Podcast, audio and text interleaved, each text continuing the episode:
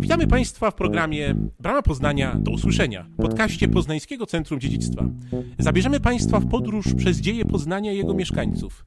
Wszystkie odcinki można znaleźć na stronie bramapoznania.pl i w popularnych serwisach podcastowych. Zapraszamy. Dzień dobry Państwu. Witam w podcaście Brama Poznania do usłyszenia. Ja nazywam się Monika Olinowicz i w dzisiejszej części podcastu omówimy szczegółowo, jak w XIII wieku przebiegała lokacja miast z uwzględnieniem miasta Poznania. Naszym przewodnikiem po temacie będzie Jurand. Witaj Jurandzie. Cześć Monika. Tak, w poprzedniej części e, opuści- byliśmy podróż w czasie i przestrzeni. Ja chciałbym natomiast, żebyśmy pozostali jeszcze w średniowieczu, ponieważ lokacja miasta, które nas najbardziej tutaj interesuje, miała miejsce właśnie w tym okresie. W XI-XII wieku w naszym zakątku Europy dochodzi do prawdziwej gorączki osadniczej, która objawia się powstaniem wielu miast. Żyjemy w nich do dzisiaj, niezależnie od e, wyboistych nieraz kolei losu samych miast oraz ich mieszkańców. Czy można tutaj mówić o gorączce podobnej do gorączki złota w czasach Dzikiego Zachodu? Pod pewnymi względami tak. Jednym z jej źródeł była niewątpliwie chęć zagospodarowania ogromnych leśnych obszarów, które porastały gęsto obszar środkowej i wschodniej Europy. Aby to zrobić, niezbędni byli ludzie, którzy chcieliby osiąść na niekoniecznie przyjaznej, ale musimy pamiętać, dającej też obfitość surowców i pożywienia ziemi. Rewolwerowcy desperaci i wygnańcy jak w westernach? No, z tym, że zamiast rewolwerów oczywiście y, mieli oni raczej pługi, którymi mogli uprawiać nowe, nowo zdobyte ziemie. Chociaż z drugiej strony, y, jeżeli by się zastanowić o to nad tym, kto mógłby być zainteresowany poszukiwaniem nowego życia, to niewątpliwie na pewno znaleźli się pośród tych ludzi także ci, którzy z jakiegoś powodu byli z prawem na bakier, którzy szukali jakiejś ucieczki. Dodatkowo w wypadku tej gorączki osadniczej, którą nazywamy kolonizacją niemiecką, miała ona charakter pożądany. Władcy chętnie zapraszali do siebie osadników, którzy przyczyniali się do pomnażania skarbów, co dodawało im również siły i znaczenia. Do dzisiejszych czasów zachowała się na przykład flamandzka pieśń z XIV wieku, którą może nucili także osadnicy wybierający się do średniowiecznej Polski w celu osiedlenia się, rozpoczęcia nowego życia. Możesz przytoczyć jej treść? Do kraju wschodniego chcemy podążać konno, do kraju wschodniego chcemy razem. Wszyscy na zielone puszcze, wszyscy na puszcze. Tam będzie lepszy byt. Tam będzie lepszy byt. Tak, może się to wydawać nieoczywiste, ale lesiste obszary kusiły przybyszów nie tylko obietnicą lepszego życia. Ruch kolonizacyjny wynikał też e, z przeludnienia wsi. Można powiedzieć, że do tej eksplozji osadniczej przyczyniły się przede wszystkim obfitość niezagospodarowanych przestrzeni oraz zbyt duże zaludnienie istniejących wsi. Ludzie poszukiwali ujścia. Mowa rzecz jasna nie o mitycznej Atlantydzie, podwodnym mieście, a raczej o Niderlandach. Tak, e, co prawda przykład nie będzie dotyczył miasta, chodzi raczej o zakładanie wsi, ale za to w bardzo spektakularny sposób. Na obszarze Niderlandów, z których pochodzi ta wspomniana przeze mnie pieśń, ziemię wyrywano Morzu Północnemu z pomocą wiatraków. Osadzano tam ludność, której zadaniem było e, jej zagospodarowanie. Interesujące z punktu widzenia naszej rozmowy jest, że w przypadku chłopów osadzanych we Flandrii, na północy Niderlandów, władca oferował bardzo liberalne stosunki, warunki życia, które tworzyły przeciwwagę dla panujących w innych rejonach reguł, które konsekwentnie były rządzone według twardych feudalnych zasad. A więc lżejsze prawa miały służyć za wentyl bezpieczeństwa, którym mogła uchodzić energia niezadowolonego z warunków życia chłopstwa? Tak, dokładnie. Jednym z te przykładów na takie ulgowe traktowanie nowo osadzonej ludności była y, zamiana prawa, które wymagało od poddanych oddania połowy swoich dóbr w ramach e, swoistej opłaty czy podatku za możliwość osiedlenia się. To prawo zamieniono na przepis zwany Bestehaupt i on odnosił się po prostu do tego, że nie trzeba było oddać połowę swoich całych dóbr, ale tylko najlepszą sztukę bydła. Więc możemy sobie wyobrazić, mając wybór oddania jednej krowy zamiast połowy gospodarstwa, wybierzemy raczej tę jedną krowę. To brzmi jak korzystna ulga podatkowa. Niewątpliwie i spełniało dokładnie taką samą funkcję. Chociaż tutaj mówimy o osadnictwie wiejskim, a w rozmowie będziemy się odnosić przede wszystkim do lokacji miast, trudno jest jednoznacznie rozdzielić te dwie przestrzenie. One są ze sobą ściśle powiązane. Zobaczymy to szczególnie wtedy, gdy przyjrzymy się istocie nadawania praw, kreowania zupełnie nowego porządku na danym obszarze. A jaka jest ta istota? Co ma piernik do wiatraka? Wieść do miasta. Żeby stworzyć przestrzeń dla nowego prawa, ktoś, kto dotąd posiadał na danym obszarze wyłączność, e, musi zrezygnować przynajmniej z części. Zobaczymy tutaj, że te części bardzo się od siebie różniły, e, swoich roszczeń w tym zakresie. Więc miasta, zwłaszcza te zakładane w Europie, w tym okresie, o którym rozmawiamy, między XI-XIII wiekiem, przynosiły władcom bardzo duże zyski. Te zyski musiały niewątpliwie przeważać nad kosztami, które wiązały się z rezygnacją ze swoich pewnych prerogatyw, przywilejów. Władcy ponosili, ponosili te koszty wraz ze zrzekaniem się praw do czerpania jakichś określonych korzyści. A tych korzyści e, na pewno było niemało, chociaż były opłaty za użytkowanie młynów, pobieranie myt za przekraczanie mostów, albo inne jakieś bardziej bezpośrednie zobowiązania, jak tutaj z, e, chociażby ten przykład dotyczący bydła.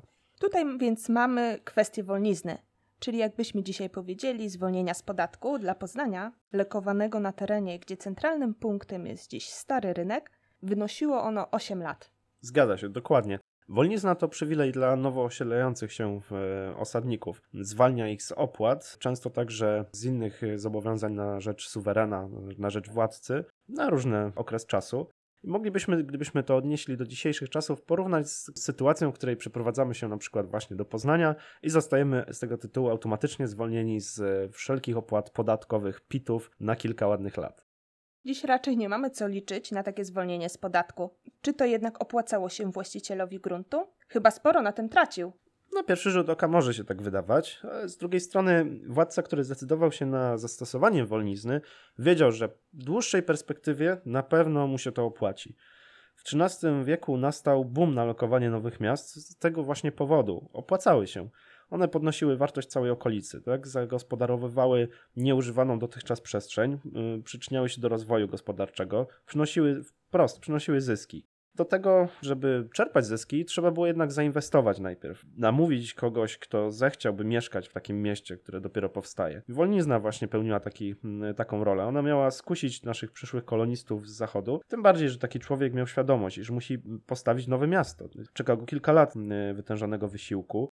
I nawet dzisiaj nie każdy zdecydowałby się na taki ryzykowny krok, biorąc pod uwagę cały postęp technologiczny. Wobec tego mm, stosowano ją jako zachętę. Przez najbliższe kilka lat e, taka osoba będzie mogła spokojnie e, się dorabiać, stanie na nogi, będzie prowadziła warsztat, swoją działalność, nie będzie niepokojona przez e, poborców podatkowych. Suweren, który organizuje swoim mieszczanom coś w rodzaju specjalnej strefy ekonomicznej, spodziewa się, że to w ciągu tych kilku lat na pewno zaplusuje. Właściciel czeka na przyszłe zyski, a pozwala e, w tym czasie rozwijać się miejskiej przedsiębiorczości.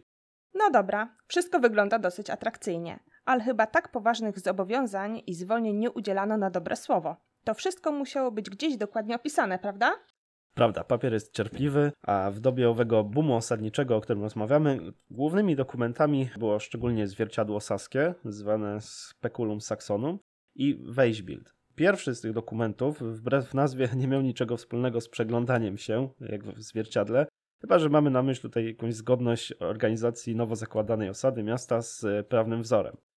Zwierciadło regulowało kwestie związane z osiedlaniem się w nowych ziemiach. Stanowiło źródło praw nie tylko dla miast, ale właśnie także dla osad wiejskich. Był taki bardzo kompleksowy dokument. Przyczynił się w znacznej mierze do ujednolicenia praw miejskich nie tylko w Niemczech, ale też w całej Europie Środkowej, również w Polsce. Drugi dokument, Weissbild, odgrywał równie ważną rolę w kształtowaniu się XIII-wiecznych miast. Był zwany również Weissbildem magdeburskim i to już nazwa naprowadza nas trochę, pozwala się zorientować, którym miastem niemieckim szczególnie było e, związane i z, e, gdzie służyło pierwotnie za wzór dla nowoczesnej średniowiecznej organizacji życia w Europie po tamtej drugiej stronie łaby. Weźbild w porównaniu do zwierciadla bardziej uszczegóławia przepisy pierwszego, dopełnia je, pełni funkcję pomocniczego spisu praw, ustala całokształt stosunków miejskich w ramach prawa magdeburskiego i odnosi się do różnych szczegółowych zagadnień, kwestii obywatelstwa miejskiego, sądów, organizacji Rady Miejskiej czy gospodarki przestrzennej, długów albo targów. Prawdziwy kodeks miejski. I czy to już są wszystkie dokumenty niezbędne do założenia miasta na prawie niemieckim? Prawie. To miejscowość jeszcze mogła otrzymać jakieś dodatkowe przywileje. Czy to związane z działalnością e, rzemieślników, e, więc przywilej swobodnego wykonywania jakiegoś określonego zawodu, który był przecież ważny dla działalności handlowej, prawo składu, przywilej targowy, który e, dotyczył jakiejś określonej liczby dni targowych i wyznaczał miejsca, kiedy można było prowadzić handel. Tu jako ciekawostkę możemy dodać, że w, w ramach tego przywileju targowego obowiązywał tak zwany immunitet targowy. Każdy zbieg, przestępca, który szukał azylu, wbiegając na rynek, był w jego obszarze nietykalny. Dosyć, dosyć egzotyczny sposób pojmowania prawa z dzisiejszego punktu widzenia, prawda? Albo przywilej jarmarczny, który dotyczył tego, że raz na jakiś określony czas, trzy miesiące na przykład, miasta miało, miały prawo organizować dwutygodniowy jarmark. Echem po tym przywileju jest znany i lubiany przez poznaniaków chociażby jarmark świętojański, czy jarmark dominikański. Przywilej składu, o którym wspomniałem jeszcze wcześniej, mówił natomiast o tym, że każdy kupiec, który wkraczał do miasta, e, nieważne czy podróżował do niego bezpośrednio, czy gdzieś dalej, musiał na e, rynku wystawić wszystkie swoje dobra na sprzedaż przez określony w przywileju czas. Także miał on niebagatelne znaczenie dla gospodarki miasta. To pozwalało czerpać ogromne dochody z handlu i też z tego ruchu po, pośrednio. Nawet wystarczyło, że miasto znajdowało się na jakimś szczególnie uczęszczanym szlaku. Ale z drugiej strony właśnie spójrzmy na od strony kupców, dla nich to było raczej problematyczne. No, liczy się czas, czas to pieniądz, a z drugiej strony trzeba zatrzymać się gdzieś po drodze i pojawia się tutaj trudny wybór, czy uniknąć, ominąć, spróbować ominąć takie miasto, czy żeby uniknąć takiego przymusowego przystanku na swoim szlaku, czy też y, jednak mimo wszystko zgodnie z prawem poruszać się tymi, tymi drogami określonymi przepisami. Właśnie z tym wiąże się inne ciekawe prawo, prawo przymusu drogowego i ono zapewniało właśnie kupcom bezpieczeństwo, ale tylko w ramach pewnych określonych tras, którymi się poruszali. Tak? Ominięcie ich y, było związane z podjęciem dużego ryzyka. Można to trochę porównać do dzisiejszych autostrad, tak, za które płacimy także winety, winiety dzisiaj. Czyli można powiedzieć, że taki kupiec miał twardy orzech do zgryzienia. Tak. Albo w miarę bezpiecznie przewiezie swój towar, albo może wybrać darmową i ryzykowną drogę. Ale wróćmy do lokacji. Dokumenty podpisane. Jaki jest kolejny krok, by zbudować miasto na prawie magdeburskim? Feudał, władca na danym obszarze, właściciel tej ziemi, na, która, na której ma być zbudowane miasto, jeszcze e, przed podpisaniem przywileju lokacyjnego miasta musi znaleźć zasadcę. Potrzebuje po prostu człowieka, który ma kontakty, Powiedzielibyśmy dzisiaj trochę ma know-how ewentualnie, ma wiedzę na temat tego, w jaki sposób ściągnąć osadników, w jaki sposób miasto powinno być zorganizowane. Może kogoś, kto brał udział już w jakiejś innej lokacji miasta. On organizuje po prostu budowę nowego porządku, nowego ośrodka pod zwierzchnictwem księcia władcy. Sam dokument lokacyjny jest podpisywany między panem a zasadźcą, czyli tą osobą, która zasadza się na gruncie, ściąga osadników. On właśnie obowiązuje się ze swojej strony na to, że zrekrutuje ludzi nowych mieszkańców tak, oraz wytyczy zmierniczymi obszar miejski. Jeśli wszystko poszło zgodnie z planem i y, zasadźca spisał się za swoją pracę i zaangażowanie, był szczodrze wynagradzany. Otrzymywał dodatkowe przywileje. Oprócz tego, że na przykład mógł y, pełnić funkcję wójta, ten tytuł otrzymywał dożywotnio i był on przekazywany dziedzicznie. W przypadku miasta był to wójt, w przypadku wsi mógł pełnić funkcję sołtysa. Mógł on także otrzymać prawo do prowadzenia jatek, kramów, rzeźni, młyna albo gospodarowania łąkami, które otaczały miasto. Sołtys i wójt to brzmi znajomo. Wiemy, co teraz robią, ale czym zajmowali się w średniowieczu? W przypadku e, zasadźcy, on ze swojej strony zobowiązywał się gospodarować te, teren zgodnie z prawem. Sprowadzał przyszłych mieszczeń, e, przekazywał e, im działki pod zamieszkanie, Zostawał wójtem, który pilnował porządku. Stał na czele sądu, kierował obroną miasta w razie zagrożenia, czy pobierał czynsze, kontrolował urządzenia targowe. Dobrze, czyli wiemy, jak wygląda proces zakładania miasta, ale teraz może powiedzmy, kiedy to się zaczęło? Kiedy powstał Magdeburg? Początków Magdeburga, który jak doszliśmy był takim pierwowzorem e, do założenia nowoczesnego średniowiecznego miasta, e, możemy upatrywać się około 919 roku, kiedy był ufortyfikowany z polecenia Henryka I ale początki miasta są trudne do określenia. Ta data, która nas może bardziej interesować i może ma większe znaczenie, to 1035. Wtedy Magdeburg otrzymuje prawa zezwalające na handel. W takim razie możemy powiedzieć, że to prawo było swoistym kamieniem milowym w kwestii miejskiej. Tak, chyba możemy tak powiedzieć. W Polsce z czasem prawo magdeburskie stało się wręcz synonimem prawa miejskiego. Choć tutaj jego implementacja, jego wprowadzenie na nasze ziemię nie była natychmiastowa. Tak? Zanim do tego doszło, przepisy często dotyczyły przede wszystkim ludności napływowej, owych osadników, w dużej mierze kolonistów niemieckich, którzy osiedlali się na wschód od Niemiec, daleko na zachodzie. Czekaj, Jurand, powiedziałeś kolonistów niemieckich? Czy to znaczy, że Niemcy we wczesnym średniowieczu byli kolonizatorami naszych ziem?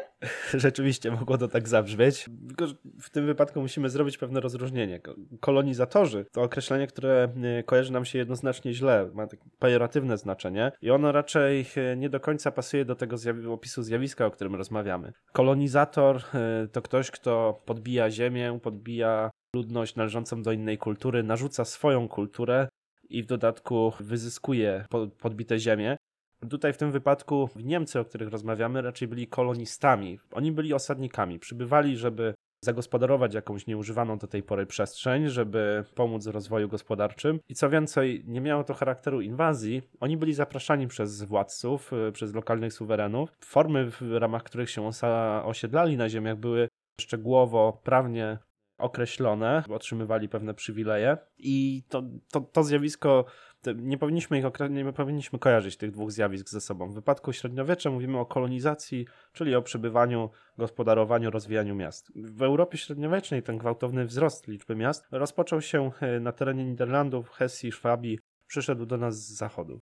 W poprzedniej części podcastu mówiliśmy o starożytnym pochodzeniu miast. Czy możemy wskazać, że proces miastotwórczy to także ciągłość? Nic się nie zmienia. Ciągle posługujemy się tymi samymi przesłankami? To jest trudne pytanie i myślę, że mm, moglibyśmy, powinniśmy zwrócić uwagę e, na to, co było specyficzne dla tej kolonizacji z okresu średniowieczna, e, średniowiecza, z tego okresu XI-XIII wieku, o którym e, rozmawiamy tutaj, zwłaszcza ze względu na skalę, w jakiej ona wystąpiła. Wcześniej też mamy oczywiście do czynienia z kolonizacjami. Jeżeli chodzi o Europę, możemy mówić chociażby o zabiegach stosowanych przez Karola Wielkiego jeszcze między VIII a IX wiekiem, ta kolonizacja miała zupełnie inny charakter, inny cel. Ona nastawiała się raczej na utrzymanie, zapewnienie integralności ziemi. Chodziło o to, żeby ludzie sprowadzani na nowe obszary przede wszystkim utrzymywali je, bronili zewnętrznych rubieży Królestwa Cesarstwa. W zamian za to, że mogli się oni osiedlić na nowych terenach, mogli je gospodarować, mieli przede wszystkim służyć władcy w obronie, mieli e, udostępniać zakwaterowanie władcy czy jego wysłannikom, dostarczać konie pocztowe. Chodziło przede wszystkim o pilnowanie obszarów granicznych, o zabezpieczenie ich, e, ich przynależności do nowego, nowego państwa po podboju prawa czy przywileje w tym wypadku, tej wcześniejszej kolonizacji, były przede wszystkim przypisane najczęściej do jakiejś grupy etnicznej. To konkretni ludzie, konkretne jednostki otrzymywały przywileje, prawa i po ich śmierci one wygasały. To nie było tak, że jakiś obszar dostawał przywilej bycia miastem i wszyscy, którzy się na nim osiedlali, automatycznie stawali się obywatelami i korzystali z tych praw, to raczej konkretni ludzie osiedlając się w jakimś miejscu byli objęci tymi prawami.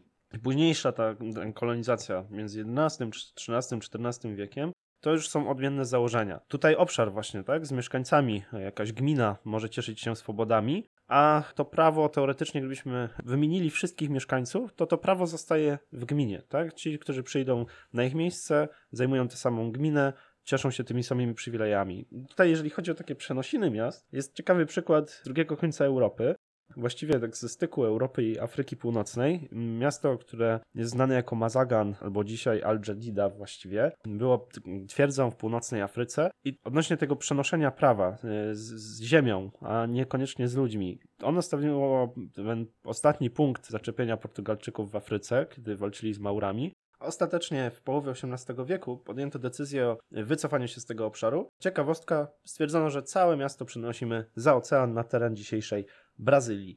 To, co mówisz, może kojarzyć się z filmami science fiction i jakimś ogromnym statkiem kolonistów wysyłanych na odległą planetę. Skoro wiemy, kiedy powstał Magdeburg, to powiedz proszę, jakie miasto w Polsce było pierwszym lokowanym na tym prawie? W Polsce pierwszym lokowanym e, na prawie magdeburskim miastem była Złotoryja. Jej lokacja odbyła się w 1211 roku. Nazwa mówi nam bardzo wiele na temat tego, czym przede wszystkim zajmowali się jego mieszkańcy. Złotoryja kojarzy się to nam z szukaniem złota. No to rzeczywiście górnictwo było generalnym, głównym źródłem dochodu dla całego miasta. A ile w sumie mamy w Polsce miast lokowanych według tego prawa? Na pewno mamy przynajmniej 542 miasta lokowane na prawie magdeburskim Całe mnóstwo. Generalnie nie ma, ta lista nie jest zamknięta w żaden sposób. Było ich więcej, ale dotarłem do takiej informacji. Do tej pory cały czas mówiliśmy o miastach lokowanych na prawie magdeburskim, ale czy są też inne prawa, na których opierano lokacje miast? Tak, bardzo popularne w średniowieczu było także prawo lubeckie. Ono jest y, podobne do prawa magdeburskiego, chociaż ono bardziej odpowiadało na potrzeby miast y, nadmorskich. Były też inne ośrodki, które inspirowały kolejne miasta czy kolejne lokacje miast. Wśród nich była na przykład Kolonia, Wiedeń albo Norymberga. Prawo lubeckie to mi coś mówi. Czy jest to związane ze słynną Hansą, kupiecką federacją? Tak, rzeczywiście. E, to prawo przede wszystkim pojawiało się w miastach handlowych powiązanych z handlem morskim, powiązanych z tą federacją, o której, o której mówisz.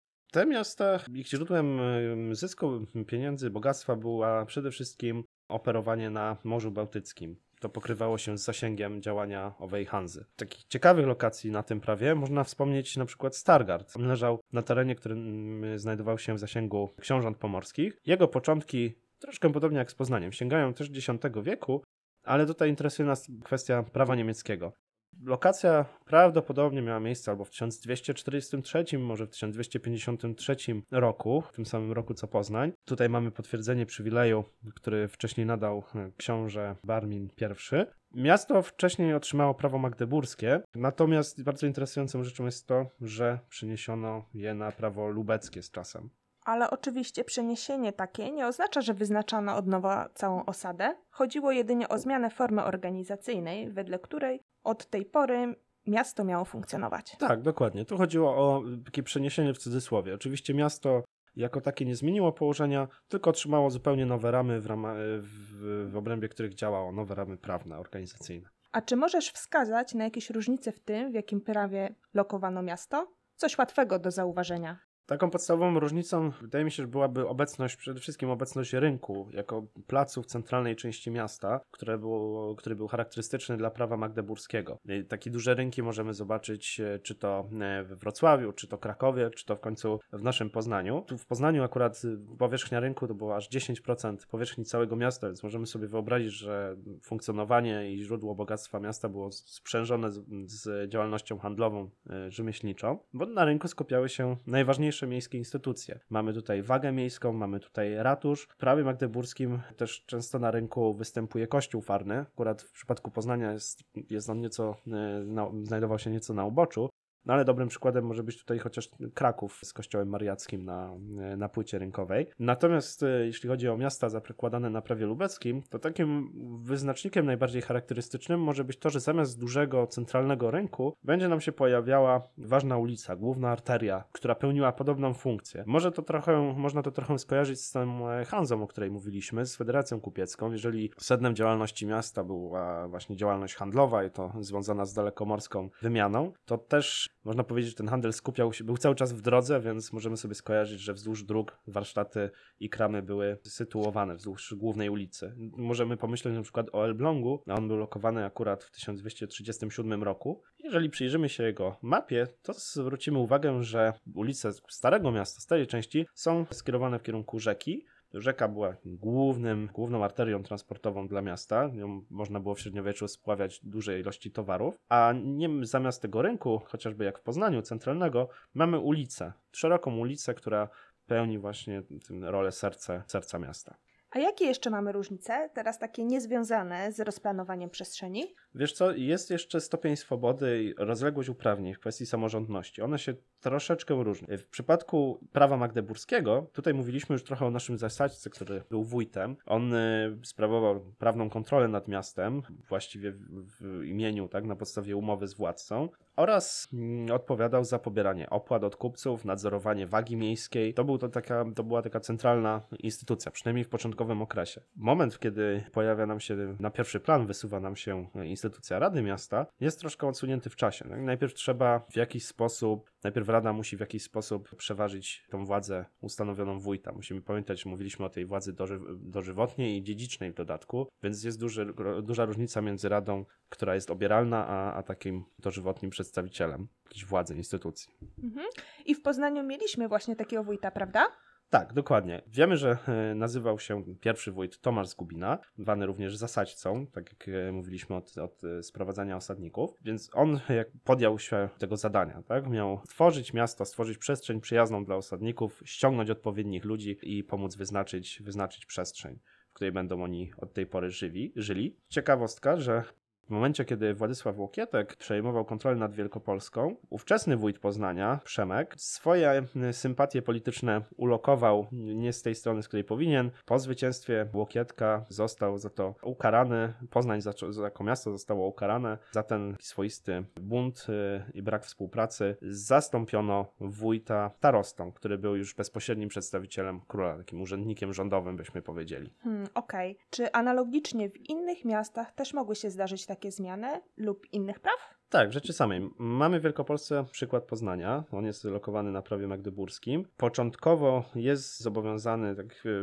istnieje taki zwyczaj kierowania zapytań, zasięgania e, rad z innych miast na podstawie wyroków w różnych sprawach sądowych, które w tamtych miastach zapadały. To były tak zwane ortyle. Poznań jako miasto lokowane na prawie magdeburskim siłą rzeczy te rozwiązania prawne i ściągawki, że tak powiem, zaczerpnął z Magdeburga, ale e, stał się również jednocześnie sądem prawa magdeburskiego najwyższym. Wszyscy w ramach prawa niemieckiego, poddani króla, musieli kierować swoje zapytania właśnie do Poznania, nie szukać sprawiedliwości za granicami, tylko ściągać te rozwiązania poznańskie i te rozwiązania poznańskie także służyły później za wzory analogicznie jak te magdeburskie dla innych miast, tak samo poznańskie dla innych ośrodków w Wielkopolsce.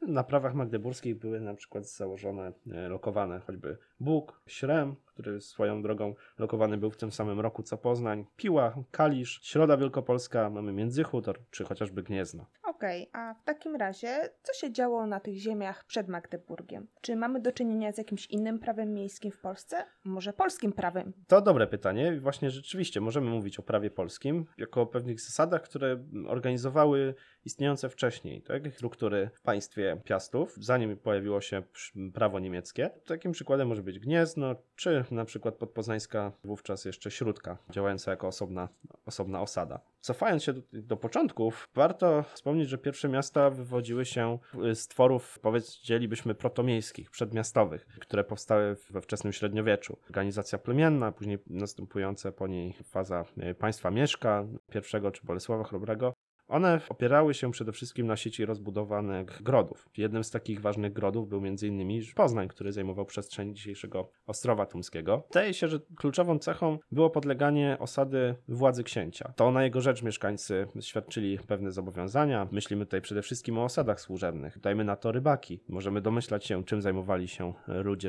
mieszkający w rybakach. W zamian za te świadczenia, których udzielali władcy, on chronił ich, zapewniał bezpieczeństwo w ramach grodu, udzielał schronu w razie ataku, w razie ob oblężenia. Takie rozwiązanie brzmi całkiem prosto i klarownie, ale jeżeli było tak dobrze, to dlaczego dążono do zmiany? Wydaje mi się, że tutaj musi być jakaś luka. I rzeczywiście jest. Taka luka to przede wszystkim kwestia bezpośredniego zarządzania. W przypadku grodu i tych wcześniejszych zasad, które w nim obowiązywały, książę osobiście jako suweren, władca sprawował kontrolę i sądy nad mieszkańcami. Podróżował z grodu do grodu, musiał zajmować się wszystkim osobiście. I to od decyzji, powiedzmy, powiedzielibyśmy rozwojowych, w kwestii rozbudowy jakichś ośrodków, czy przebudowy, wyznaczania prac, priorytetów, jakichś większych prac podejmowanych przez mieszkańców, musiał także rozstrzygać spory między mieszkańcami, to czasami także e, dotyczące jakichś błahych spraw. Możemy sobie wyobrazić, że dzisiaj prezydent odbiera telefony o tym, że musi wydać wyrok w sprawie pana Kowalskiego, który załóżmy e, zakłóca ciszę nocną i prezydent musi osobiście podpisać grzywnę nałożoną na niego, mandat. Możemy sobie wyobrazić, że książę, który nie mógł tej władzy sądowniczej scedować na sąd miejski, nie mógł oddać części tych swoich prerogatyw, musiał mnóstwo czasu spędzać na rozwiązywanie takich sporów, różnych także błahych, tak? Właśnie skarg o naruszanie ciszy nocnych, czy jakichś sąsiedzkich sporów, spraw obyczajowych. No było tego na pewno multum. Czyli jeśli dobrze rozumiem, y, nowe prawo niemieckie pozwala uwolnić ręce władcy, tak? Z jednej strony ma on mniej obowiązków, a korzyści ciągle do niego płyną. Tak, rzeczywiście. Jest to dosyć wygodna formuła. Oczywiście, tak jak mówiliśmy wcześniej, oddaje część swojej ziemi, część swoich przywilejów, ale z drugiej strony ci poddani nie przestają być jego poddanymi, ci mieszkańcy miasta, a jednocześnie sprawy rozstrzygania sporów między nimi zostawia w ich rękach, więc w gruncie rzeczy zostaje ta śmietanka zostają e, zyski gospodarcze, a mnóstwo spraw związanych z mikrozarządzaniem, byśmy powiedzieli dzisiaj, zostaje już e, w rękach samych, samych zainteresowanych. Ale czy to oznacza, że z jednej strony ściągano osadników, kusząc ich przywilejami, a obok żyli ci starzy poddani, którzy płacili podatki powiedzmy według dawnej taryfy? Tak, rzeczywiście. Taki przykład mamy chociażby w Krakowie. Być może władcy nie opłacało się zawsze rezygnować zupełnie ze wszystkich swoich wcześniejszych świadczeń, przywilejów, dlatego zamiast zmieniać prawa dla wszystkich mieszkańców, ściągał osadników, którzy rządzili, rządzeni byli według tych nowych reguł z zachodnich, a część mieszkańców podlegała starym regułom, także można powiedzieć wilk syty i owca cała. Sprawnie przybywało wraz z ilością mieszkańców, a jednocześnie można było czerpać dochody. Opowiedziałeś nam o Złotoryi, a teraz co działo się w Wielkopolsce? Jakie było miasto najwcześniej lokowane na prawie niemieckim? Jednym ze starszych miast w stosunku do Poznania było Gniezno. Brak tutaj potwierdzenia w postaci przywileju lokacyjnego, jednak miała miejsce najpewniej przed 1243 rokiem, może koło 35-39 roku, kiedy dochodzi do zamiany wsi należącej do księcia, znajdującej się w okolicy Gniezna, na teren biskupstwa katedralnego, blisko zamku, który stał się zaczynem dla nowoczesnego miasta. Istnieje hipoteza, która mówi, że lokacja Śródki, znanej mieszkańcom Poznania teraz jako jedna z dzielnic, miała miejsce być może już w okolicach 1231 roku, kiedy to zostaje potwierdzony fakt prowadzenia do niej zakonu kaznodziejskiego, zakonu dominikanów, a ich obecność pozwala nam rzeczywiście przypuszczać z pewnym prawdopodobieństwem, że tam, gdzie się pojawiali, tam już jakieś miejskie życie się toczyło. Dokumenty poświadczające akt lokacji nie zachowały się do naszych czasów jednak. Hmm. Wspomniałeś coś o zakonnikach, o tym, że możemy oczekiwać istnienia miasta na podstawie obecności w nim właśnie zakonów. Możesz rozwinąć tę myśl? Akurat w przypadku dominikanów jest to zakon, który utrzymywał się przede wszystkim z jałmużny. Tak? Był to zakon żebraczy i jego celem była prowadzenie ewangelizacji w warunkach miejskich tam gdzie można było trafić z działalnością e, do szerokich mas ludzi. Więc utrzymanie takiego klasztoru wymagało istnienia warstwy odpowiednio zasobnych mieszkańców, którzy wpłacaliby pieniądze na, na utrzymanie klasztoru i mnich. W 1244 roku nowy zakon został wprowadzony do Poznania ze Śródki. Dokument, który to potwierdza, przedstawia ogromną wartość, ponieważ pozwala snuć pewne przypuszczenia co do charakteru już nie tylko Śródki, ale także posiadającej nowoczesne prawa miejskie już w tym czasie, ale również e, osady świętego Gotarda, która mieściła się po drugiej stronie Warty. Skoro Dominikanie byli sprowadzani z miasta Śródka, to znaczy, że jest ono starsze od samego Poznania? To rzeczywiście. Osada targowa zwana Śródką, od środowych cotygodniowych targów, które się w niej odbywały, zyskała prawa miejskie wcześniej. Poznań leżał jeszcze po prawej stronie Warty, był to gród, wewnątrz którego mieścił się pałac książęcy oraz katedra.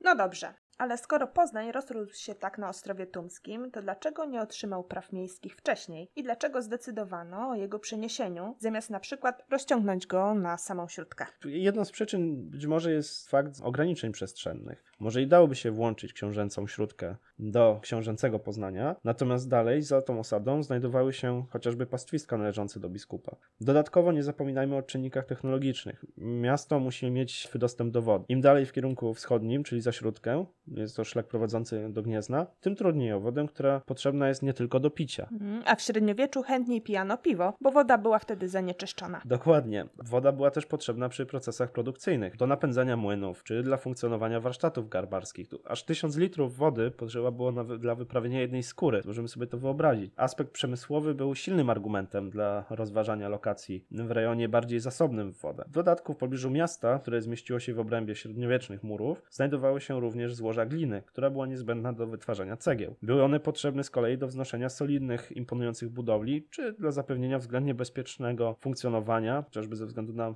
mur otaczający miasto. Dobrze, to może jakiś mały zarys historii tworzenia się lewobrzeżnego Poznania? Po pierwsze, wiemy, że miasto nie powstawało w próżni. Na lewym brzegu Warty istniała cała sieć osadnicza. Już nie tylko osada Świętego Gotarda, której byt był zależny od funkcjonowania szlaku handlowego solnego, ale także wsie, które znajdowały się w obrębie parafii Świętego Wojciecha i Marcina. Ślad po nich możemy znaleźć chociażby w dokumencie lokacyjnym, który potwierdza nadanie nowo powstającemu miastu 17 wsi, które miały zapewnić zaopatrzenie, utrzymanie, dopływ surowców surowców, potrzebnych z kolei do budowy albo działalności rzemieślniczej. Ich los był różny, z przyczyn politycznych mogła zmieniać się struktura własnościowa, ale to najważniejsze, żebyśmy mieli obraz terenu zamieszkałego. Osadniczy czy koloniści w tym wypadku nie przybywali w zupełnie niezamieszkane tereny. Jak w takim razie zdecydowano, jak duży obszar będzie zajmowało miasto, a gdzie rozpoczęły się jego przedmieścia i wsie? Zrobiono to wymierzając odpowiedni promień od y, obranego punktu, centrum Nowego Miasta. Co było takim centrum w centrum? Centrum w centrum, to co zabrzmi brutalnie, był pręgierz. Czyli słynny punkt zborny w Poznaniu. Tak, to nam pozwala sobie uzmysłowić, że życie w średniowieczu było surowe. To prawo władcy karało za każdym razem za nieposłuszeństwo czy łamanie prawa. Nie zapominajmy, że oprócz pręgierza, śladami po średniowieczu są także budynki, e, instytucje takie jak ratusz, w którym urzędowała Rada Miejska oraz ława sędziowska.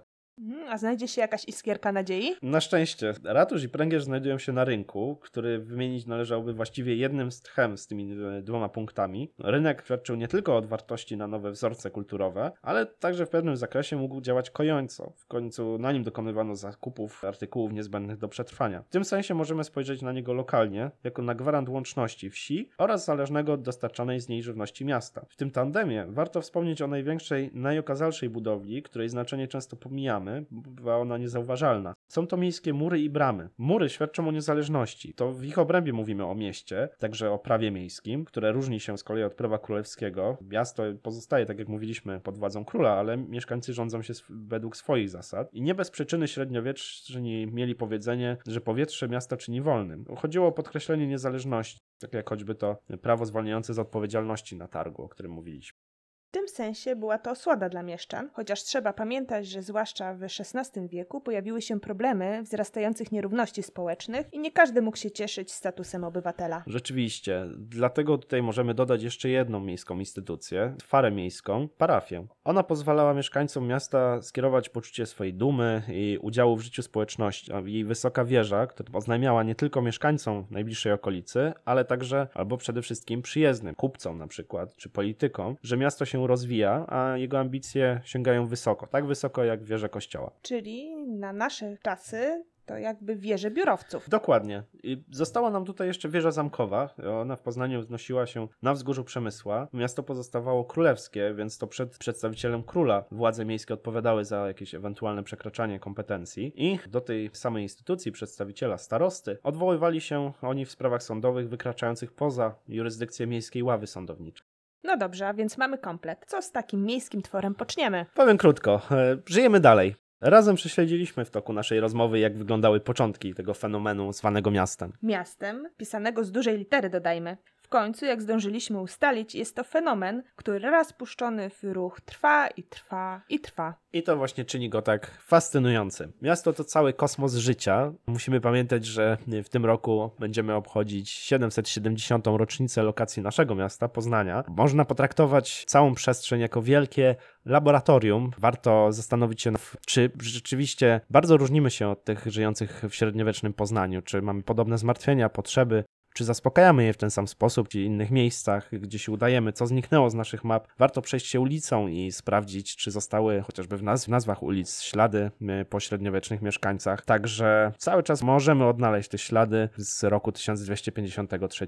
No właśnie, odnośnie spacerów, możemy w tym miejscu skorzystać z okazji i zaprosić wszystkich naszych słuchaczy na wspólne przejście zarówno po naszej ekspozycji, jak i Ostrowie Tumskim, śladami pierwszego Poznania oraz pod samym średniowiecznym obszarze miasta powstałego wokół Starego Rynku. Tak, zapraszamy serdecznie. Pierwszy spacer pod tytułem Prawy do lewego, który obowiązują zapisy, odbędzie się 23 kwietnia o godzinie 17. Start w Bramie Poznania. Warto zajrzeć do zakładki wydarzenia na naszej stronie Bramy Poznania, żeby, żeby uzyskać dodatkowe informacje. A drugi spacer odbędzie się na Starym Rynku w obrębie średniowiecznego miasta. Odbędzie się on 30 kwietnia o godzinie 11, a rozpocznie się przy kościele jezuitów na rogu dominikańskiej i szewskiej. Tutaj mamy wstęp wolny, więc zapraszamy serdecznie. Zapraszamy!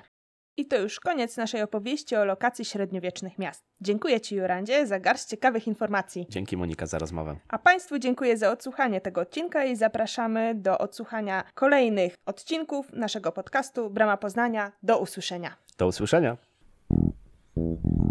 Dziękujemy za uwagę i odsłuchanie naszej audycji. Przypominamy, że wszystkie odcinki można znaleźć na stronie bramapoznania.pl i w popularnych serwisach podcastowych. Zapraszamy także do obejrzenia naszych filmów dostępnych na kanale Bramy Poznania w serwisie YouTube. Brama Poznania, do usłyszenia. Do usłyszenia. Do usłyszenia.